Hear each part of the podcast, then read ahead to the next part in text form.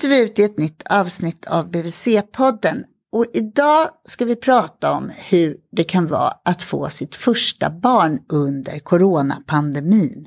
Är det någonting vi har pratat om i samhället så är det väl alltså hur vi alla har drabbats på olika sätt, vilka grupper som har drabbats mest. Är det de äldre, de äldre äldre, är det ungdomarna? Men ingenstans har jag hört att man har lyft fram det här med nyblivna föräldrar. Och när jag tänker på det så tänker jag att föräldraskap är verkligen liksom en sån där upptäckt av hur mycket man också behöver andra människor. Hur mycket man behöver samhället och man liksom har ett väldigt behov av kontakt för att få bekräftelse och få koll på att både att barnet mår bra men också på att man själv gör vettiga saker.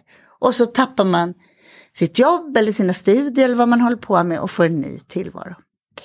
Så idag har jag bjudit hit två personer med erfarenheter för att diskutera det här.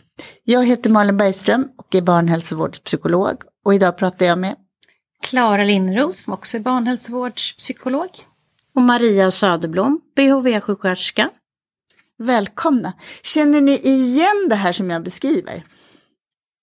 Ja, alltså jag känner igen det från mitt perspektiv som är att eh, jag har under året träffat en hel del nyblivna föräldrar, mest mammor ska jag säga, men som har mått lite dåligt precis när de har fått barn, som ju en hel del gör. Eh, både med nedstämdhet eller väldigt stark oro, ångest och så. Och som där du har träffat som psykolog? Ja, Clara. precis, som jag har träffat på vårdcentral. Och då har jag ju tänkt, och vi har pratat om mycket, hur det här liksom ställer till extra mycket för att de mår dåligt, men också överlag. Alltså både det här att de inte kan få Alltså just det här med stöd och avlastning som du pratar om att vara beroende, kanske den äldre generationens stöd och avlastning, föräldragrupper. Eh, men också det här allmänna som jag tänker att du säkert har ännu mer erfarenhet av. Maria, att liksom bara sakna att få, ja, man hade tänkt sig att man skulle vara med i föräldragrupp eller mm. gå och fika med sina det blir, det blir verkligen dubbelt, för man har ju en tanke om hur den här föräldraledigheten ska bli och se ut. Och genom pandemin så har den ändrat sig mot vad man har tänkt från början. Eh, så det är, det är dubbel omställning. Dels att bli, bli, bli förälder men också en omställning att det inte blir som man ska, har tänkt sig runt omkring. Eh, och det har olika familjer tagit olika lätt på. En del har tyckt att det har varit eh, en möjlighet att känna att man faktiskt får tid att lära känna sitt barn mer. Att man får vara i sin lilla bubbla tillsammans om man är två föräldrar i familjen. Eh, att man faktiskt kan skylla på pandemin. Och eh, om man känner att man inte orkar träffa någon, att man kan skylla på den. Du vet, det är ju pandemi nu så vi kan inte ses.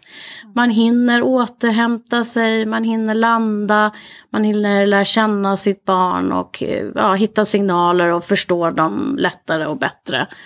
Och den förälder som kanske då egentligen skulle ha varit på en arbetsplats, en del jobbar ju hemifrån, det är ganska många, eh, har faktiskt också då känt att eh, jag har fått vara med mitt barn mycket, mycket mer än vad jag hade tänkt mig från början.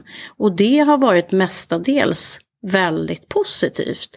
Att de har känt att de har kunnat engagera sig tidigt, att man får större förståelse för, för den andra föräldern, hur mycket jobb det är med ett litet barn. Eh, att man förstår varandra, att man pratar mer om kanske roller och fördelning i familjen. Eh, och att man också blir stärkt i sitt föräldraskap genom att vara med sitt barn mera. Och det tänker jag kommer ha effekter på lång sikt. Mm. Men jag tänker det är verkligen, måste verkligen vara så olika. För de som mår bra och har då, alltså att den andra föräldern jobbar hemifrån, då kan det bli en sån, alltså det kan bli väldigt olika spin-off-effekter, väldigt mer positivt eller mer negativt mm. kanske. Men eh, för de som då inte har att den andra föräldern jobbar hemifrån, det mm. måste ju bli, mm. alltså då tänker jag att att du måste ha mött dem som också är rätt mm. ensamma jag, på något sätt. Jag arbetar i ett område där vi har många familjer som kanske har kommit till Stockholm av olika skäl för att studera eller arbeta eller så. Och kommer från andra delar av Sverige eller kanske i andra delar av världen. Eh, och där eh, är det ju mindre möjlighet då att få den här spontana hjälpen i vardagen. Eh, för att det är avstånd och man kan inte träffas för att det kanske är någon som har ålder inne och har risk, riskfaktorer som gör att man inte kan ses. Men eh, det har ju också varit så att de som har haft kapacitet har också hittat lite kreativa lösningar på det. Har man inte kunnat träffa mormor eh, hemma så kanske man har ordnat ett eh, Zoom-möte eller Teams-möte digital väg. Det är, det är absolut inte samma men det är i alla fall en möjlighet att se varandra och prata med varandra och någon att spegla med och någon att bekräfta med. Och någon har kanske ordnat att eh, farfar har kommit och hämtat tvätten och tvättat hos sig istället för att man inte har kunnat ses hemma. Eller man har fått gå på vagnpromenad ute istället. Så att eh, det har ändå lett till att de som har haft kraft har kunnat tänka till och hittat lite alternativa lösningar. Sen har jag mött föräldrar som jobbar hemifrån som ibland kan tycka att de eh, pendlar i många världar samtidigt. Att man eh, ska finnas till hands för sitt barn, att man ska finnas till hands i, i sitt arbete, att man ska avlasta sin partner och så, att man hoppar i de olika rollerna hela tiden. Och där behöver man ibland vara lite så strukturerad och kanske så bestämma sig att okej, okay, det här är min arbetsplats, nu jobbar jag den här tiden, nu kan jag inte gå undan och ifrån, eh, men nu kan jag det och så. Det är flera faktiskt papper som har berättat för mig att de till exempel om barnet haft en sovstund, att eh, den som har jobbat har, har haft barnet hos sig då och kunnat jobba, skriva eller vad man nu gör. Eh, och den andra föräldern då har kunnat tagit en dusch eller vilat en stund eller så. Men också de här lite fina stunderna som man har hört om att eh, om man har två föräldrar hemma, att man faktiskt haft möjlighet att äta lunch tillsammans. Att man kanske har haft möjlighet att promenera tillsammans. För den som jobbar hemma kanske ändå har känt behov av att komma ut en liten stund. Eh, en del har gått och fikat tillsammans och sådär. Så att man har också fått lite mer tid att prata kanske kring annat som inte alltid bara handlar om barnet. Liksom. Jag tänker så här på resurser när jag hör er prata. Att det liksom att det går en skiljelinje mellan hur man har det. Både hur man har det med sitt barn Alltså om jag njuter av att bara mm. vara med mitt barn eller om det kryper i kroppen för att jag tycker föräldraledighet suger eller jag har ett barn som är svårt att tillfredsställa och som är oroligt eller skrikigt eller sådär. Och sen hur man har i sin parrelation, att man kan känna sig fullkomligt instängd liksom. Mm. Och vara utelämnade till varandra och mm. allting ska, sam allting ska ske liksom inom hemmets fyra väggar på något sätt hela livet. Det är klart att det där mm. kan bli asmysigt om man längtar efter att vara med varandra mm. och sjukt påfrestande om man mm om man inte längtar efter det utan behöver spä ut, det behöver inte betyda att man har det svindåligt. Det bara att man kan behöva spä ut sin relation ja, med lite annan input. Ja. Många bor ju trångt också, mm. så att det, vi har ju föräldrar som har beskrivit att de har behövt gå längs väggarna med det gråtande barnet för att inte störa den som arbetar, liksom, eller behövt nästan stänga in sig i sovrummet för att vara så tyst som möjligt. Mm. Och det där är ganska för det sitter på. någon i ett digitalt möte. För det sitter någon liksom, i något digitalt mm. möte och stör och det är mm. ganska påfrestande. Och man har hittat olika lösningar för det. Jag har föräldrar som har lyckats få till eh, eh, en arbetsplats i tvättstugan, lånat grannens köksbord, varit i föreningens festlokal. För man har ju inte kunnat vara på bibliotek och café i samma mm. utsträckning. Mm. Så att, um, ja, men och, man tänker sig att det här ny, alltså, nyföddhetsskriket eller med små bebisar som skriker, att det stressar oss så mycket. Så ska man dessutom, för att man blir stressad över att det skriker att man vill lugna det, och så ska man dessutom tänka på att den där andra föräldern då sitter i något viktigt jobbmöte. Det, Ja. ja jag bara känner Å andra sidan så har det blivit större acceptans för att man faktiskt kan utföra ett arbete för många i hemmet och att det är accepterat. Sen kanske vi hamnar längre fram att, att det faktiskt blir så att vissa väljer att jobba delvis hemma. Eh, det man vinner är ju också den här transporttiden. Mm. Många har långa resvägar mm. och den sparar man. Och det, kan, det kanske kan vara något fint med det där som, som du sa nu Maria, så att det kanske är inte behöver vara så osynligt liksom med barn. Alltså den här baksidan mm. av familjelivet, Nej. typ eh, gråtande bebisar och eh, syskon som slåss. Typ. Ja, men liksom ja. att det där är ja, men det där som vi lever i allihopa, fast på jobbet, på kontoret, typ om man är på ett kontor eller vilken arbetsplats man har, där syns inte det. Där är liksom skjortan struken och kjolen pressad. Så fördelen med, som du säger Maria, att de här världarna, att man inte kan hålla isär, nu jobbar jag, nu är jag förälder, nu gör jag det. Det kan vara att de där får glida in i varandra och att det faktiskt får påverka arbetslivet lite också. För annars kan jag som barnpsykolog tycka att det mest är familjelivet som har fått anpassa sig efter arbetslivet. Liksom. Mm. Jag tänker att arbetsgivaren också kan se människan bakom mm. det jobbet man har liksom också. Vad, vad, man lever i för tillvaro just nu och att eh, familjen och barnen blir en naturlig del av. För de blir synliga i bild. Eh, oavsett om man vill eller inte för någon passerar i bild och, eller någon kanske vinkar eller så liksom vill säga hej och sådär. Jag undrar hur mycket föräldrar pratar med er om det här. För att jag tycker att men om man ska tänka sig vad som är liksom kreddigt att ha. Att ha goda relationer, att ha en jämställd parrelation eller ett jämställt föräldraskap. Allt sånt där är ju lite kreddigt liksom. Hur öppna vågar folk vara med de belastningar som det här har inneburit? Att man kanske inte är så sams. Och att man... Ja, alltså där har vi väl jätteolika ingångar ändå. Mm. Annars tänker jag, Maria och jag, eftersom du är på BVC. Alltså jag vi, vi pratar om det ofta och mycket, men, men eh, kanske framförallt vid de enskilda föräldrasamtalen som vi då har två stycken på BVC. Eh, både med den födande föräldern och den icke-födande.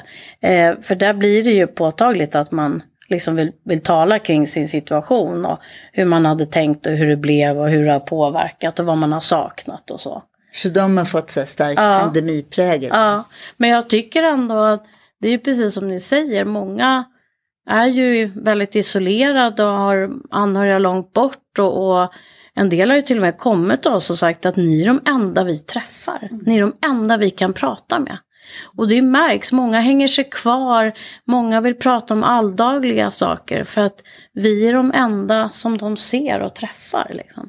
Och vi försöker ju verkligen uppmuntra alla att hur jobbigt den är, hur isolerad man än är, och hur trött man är så är det ju så viktigt det här att, att komma ut, om ändå runt husknuten. Liksom. Men att byta miljö, att få se ljuset, att få se andra, att möta andras blickar. Och det finns andra där ute som har samma behov. Så att folk är lite mer öppna för att ändå liksom kanske nicka till någon man inte känner eller faktiskt våga ta steget och prata med någon. Liksom. Vi, har, vi har flera föräldrar som på eget initiativ, som har kraften och förmågan, eh, startat egna promenadgrupper och så. Liksom, och fått med sig andra. Det, jag vill återkomma till det där med blicken, men först vill jag höra från dig, Klara, hur du, alltså är det här någonting man har pratat om?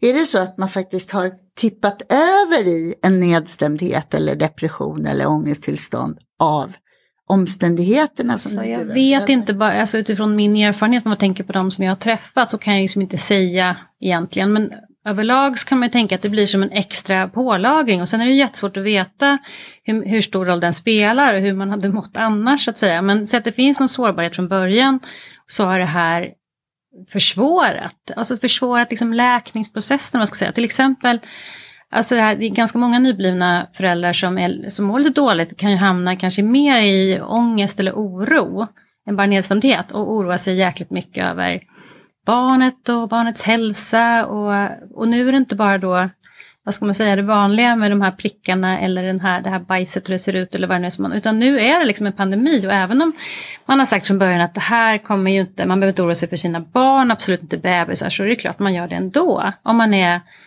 alltså jag tänker att nästan alla nyblivna föräldrar gör det lite grann, för det ingår, alltså man ska ju skydda sina barn, det är ju det känslomässiga modet man är. Och nu har vi en pandemi som är jättefarlig och som ingen vet någonting om, alltså det här osäkra det lägger sig verkligen på extra när det finns så mm. mycket osäkerhet ändå.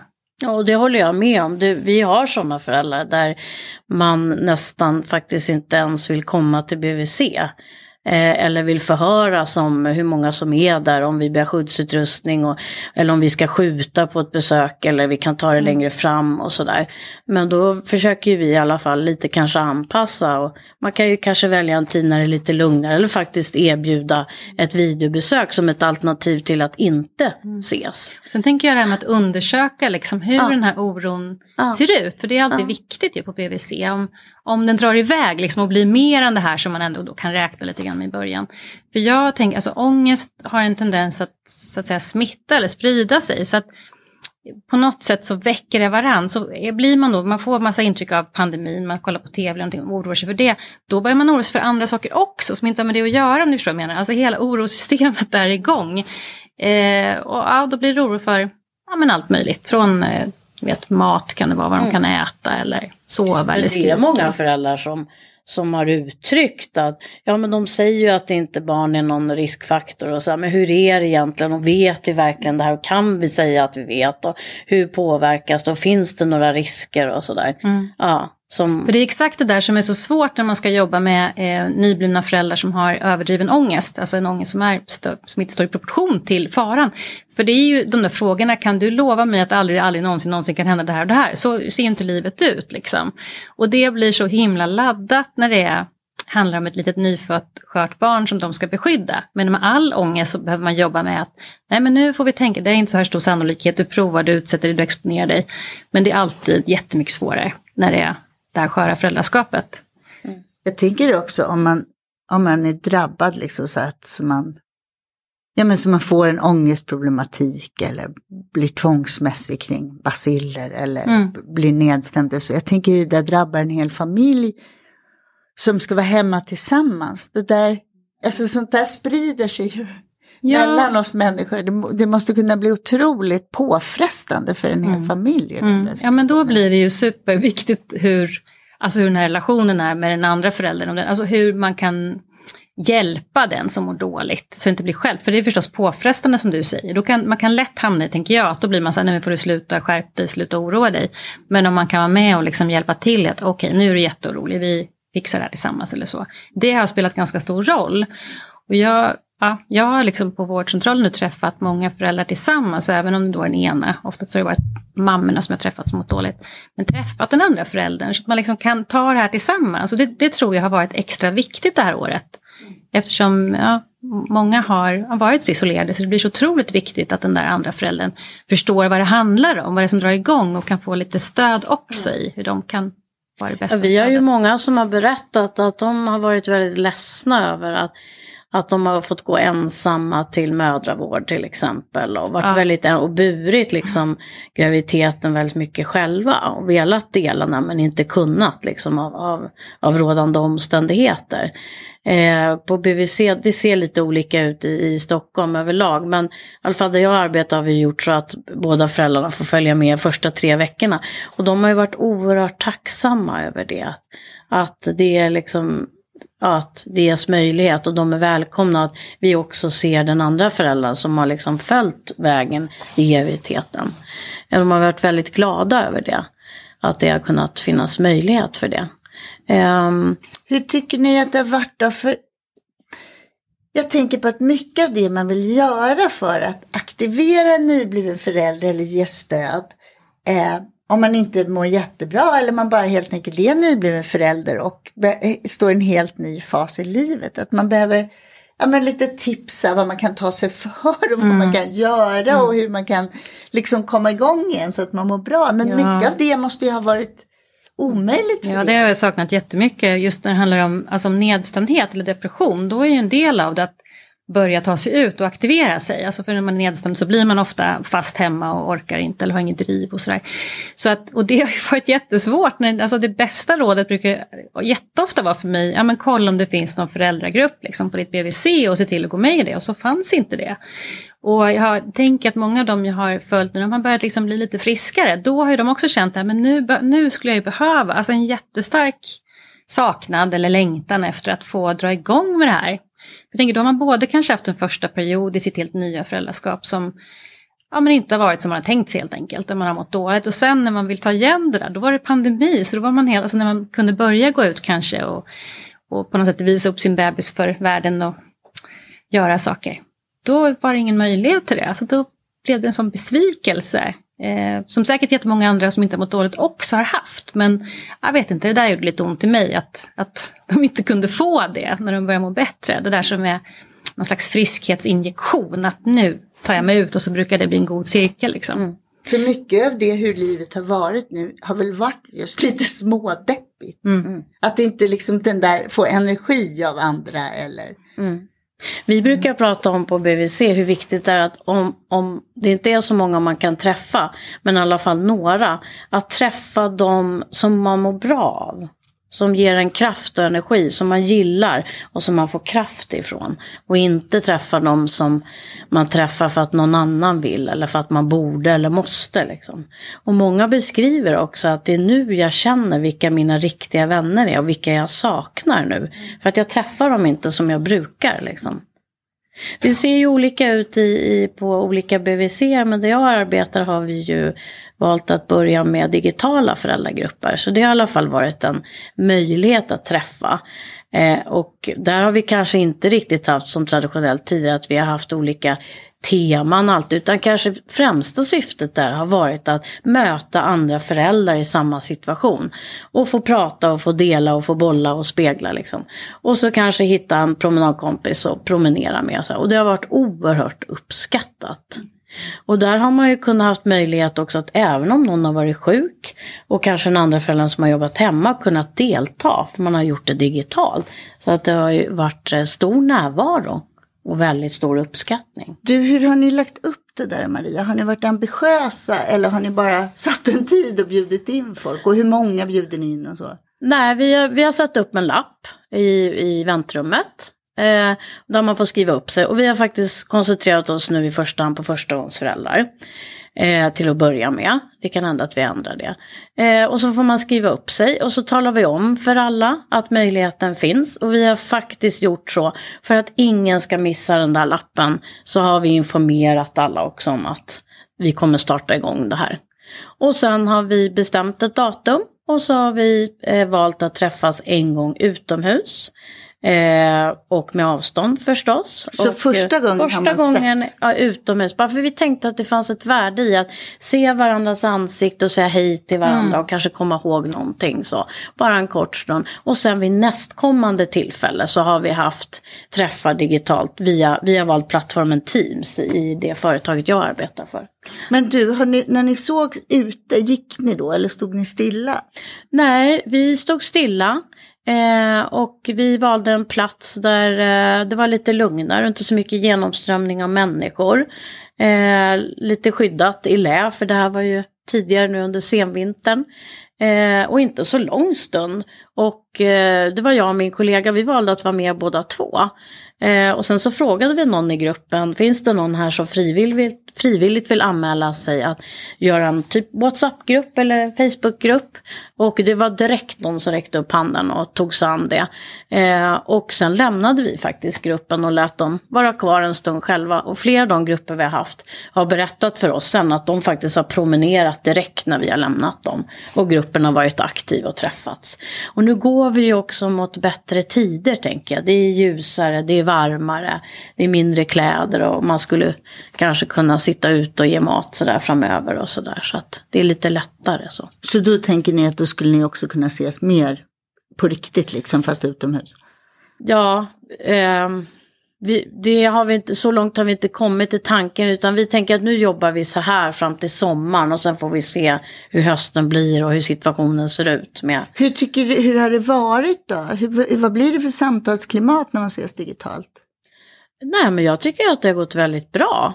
Eh, vi kanske inte har hållit på lika länge och eh, kanske gruppen har inte suttit kvar lika länge som man gör när man träffas, träffas fysiskt. Men det har ju ändå känts som att behovet har varit så stort så att eh, ja, jag tror inte man har haft så höga ambitioner utan det har liksom bara räckt att få prata och få höras och få synas. Liksom. Det har räckt. Jag kan verkligen, om jag behöver bara gå till mig själv så kan jag tänka att det låter så mycket skulle kunna vara skönt med det också, att inte ja. gå iväg liksom. Ja. Mm -hmm. Och just det där som säger att man, eh, ja, ifall det är så att den andra föräldern är hemma, att båda är med. För det vet vi att det inte alltid är så att Men det är ju båda föräldrar kommer med. Nej, Nej. det är inte så ofta.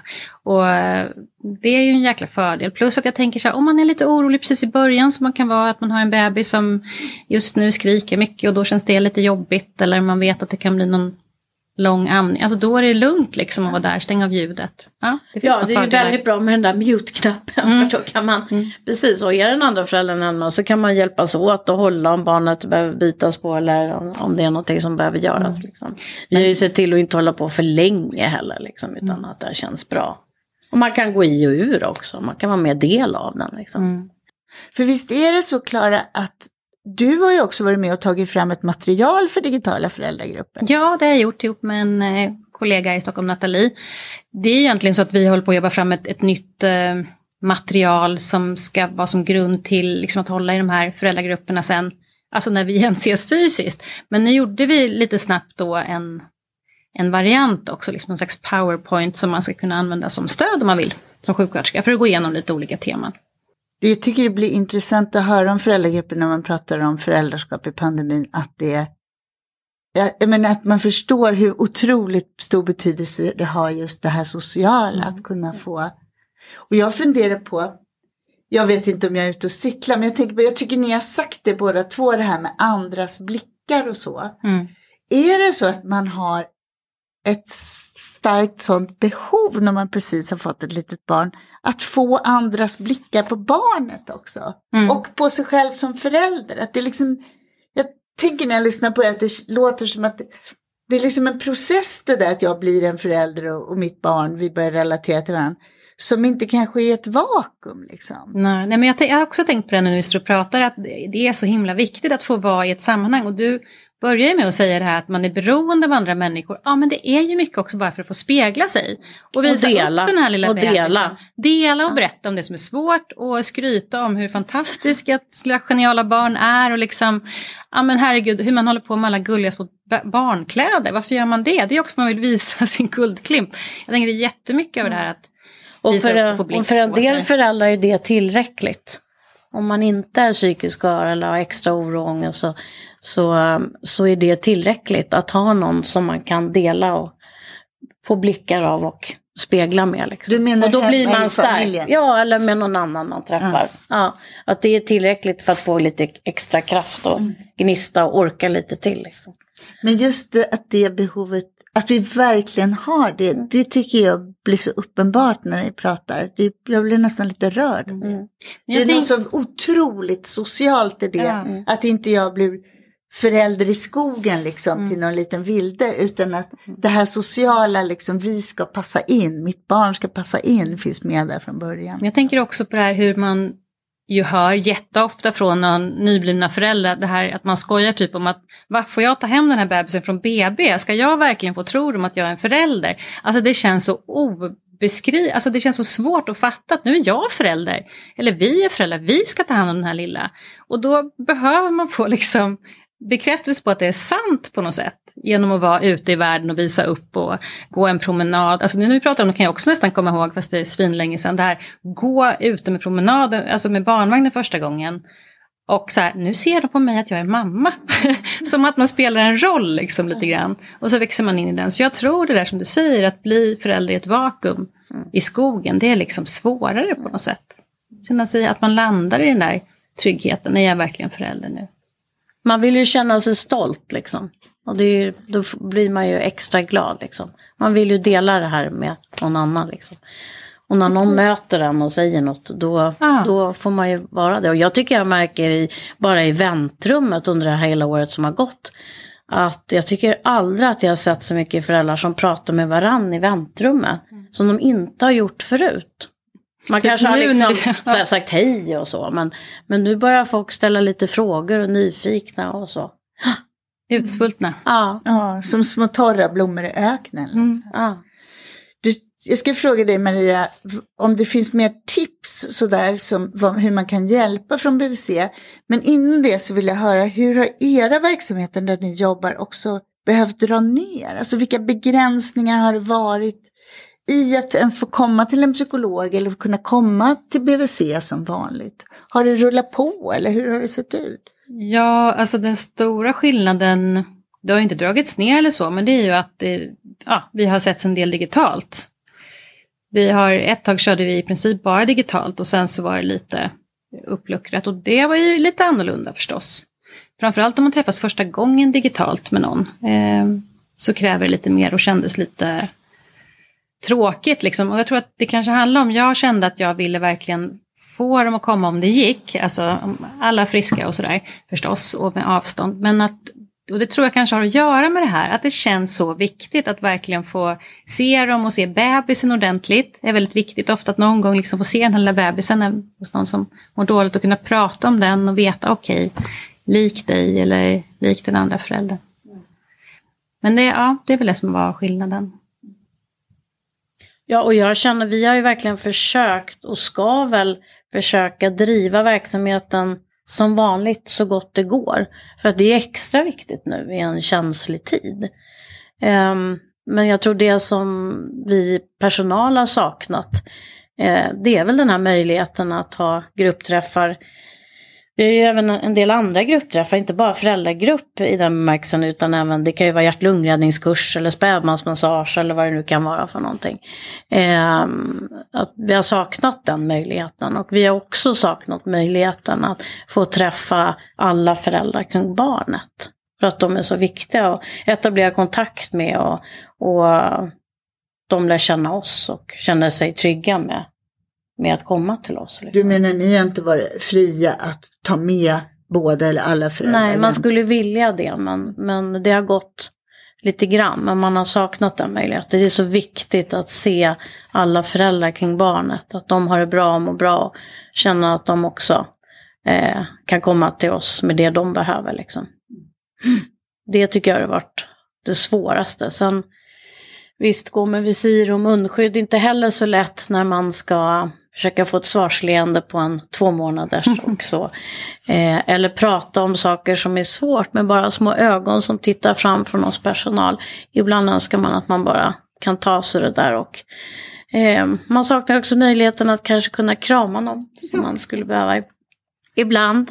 Mm. Det kan man landa i som den ja, stora ja. förlusten. Och att någon faktiskt skulle vilja ha en kram också. Mm, hur tycker ni att det har varit över tid? Nu har vi levt med den här pandemin i ett, drygt ett år.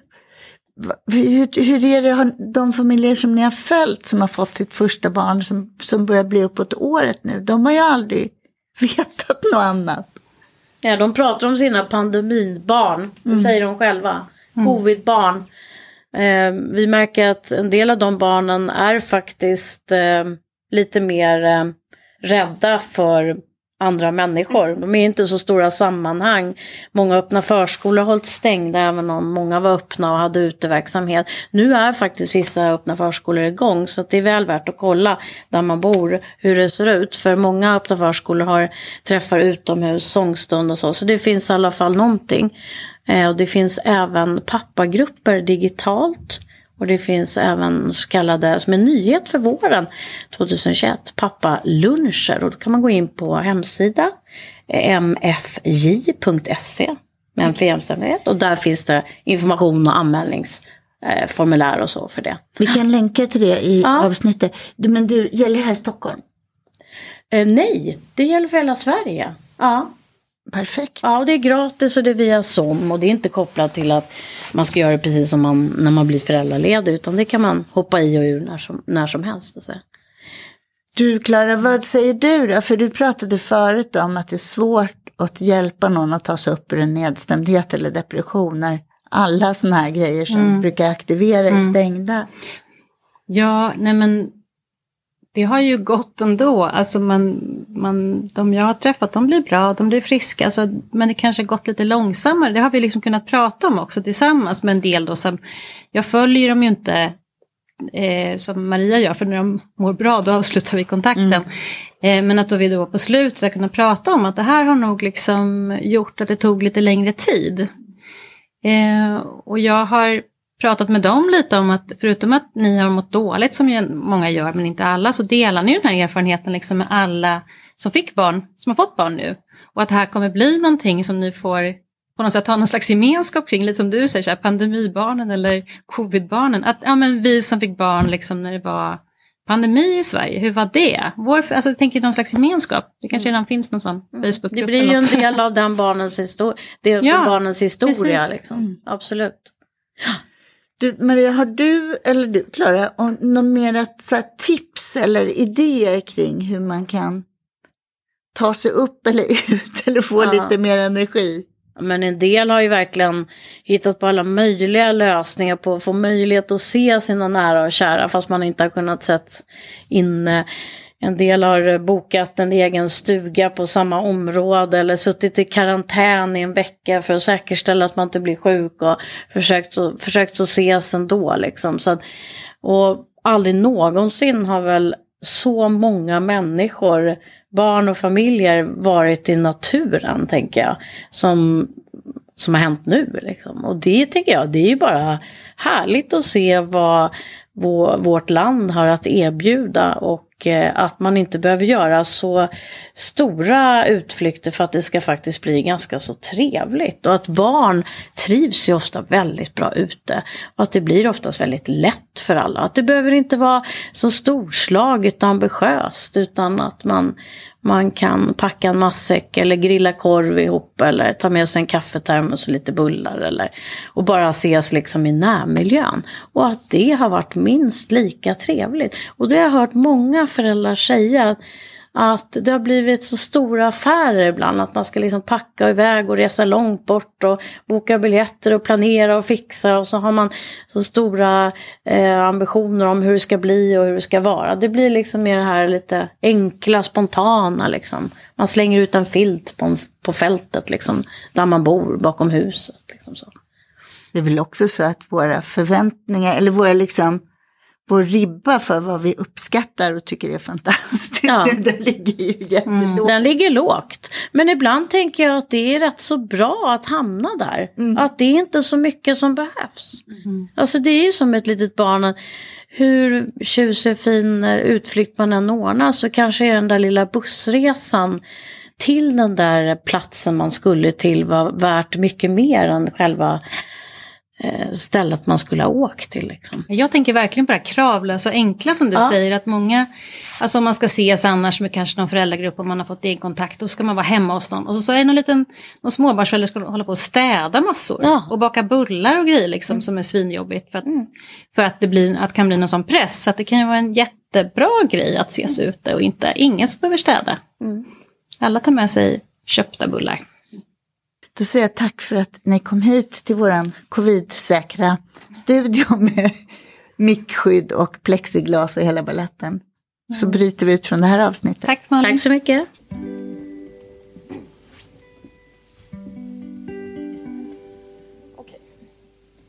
Födde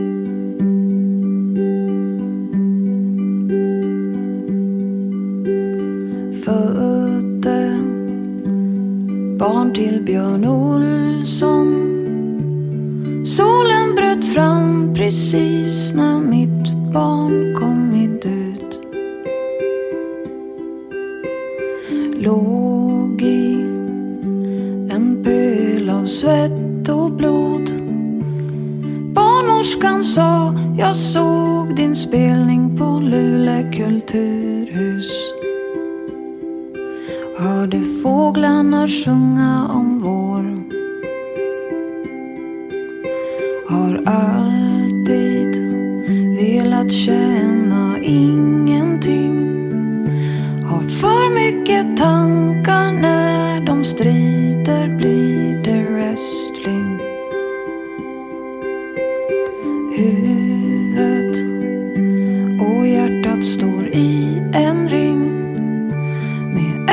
plötsligt öga över axeln. Tänk om någon skadas. Har alltid velat inte bry mig om någon. Sen du kom ser jag hur bladen knoppas, löven faller. Jag är ett av dem. Ångest jag inser. Jag också ska multna och allt tillhör dig. Ser himlen åter bli grå.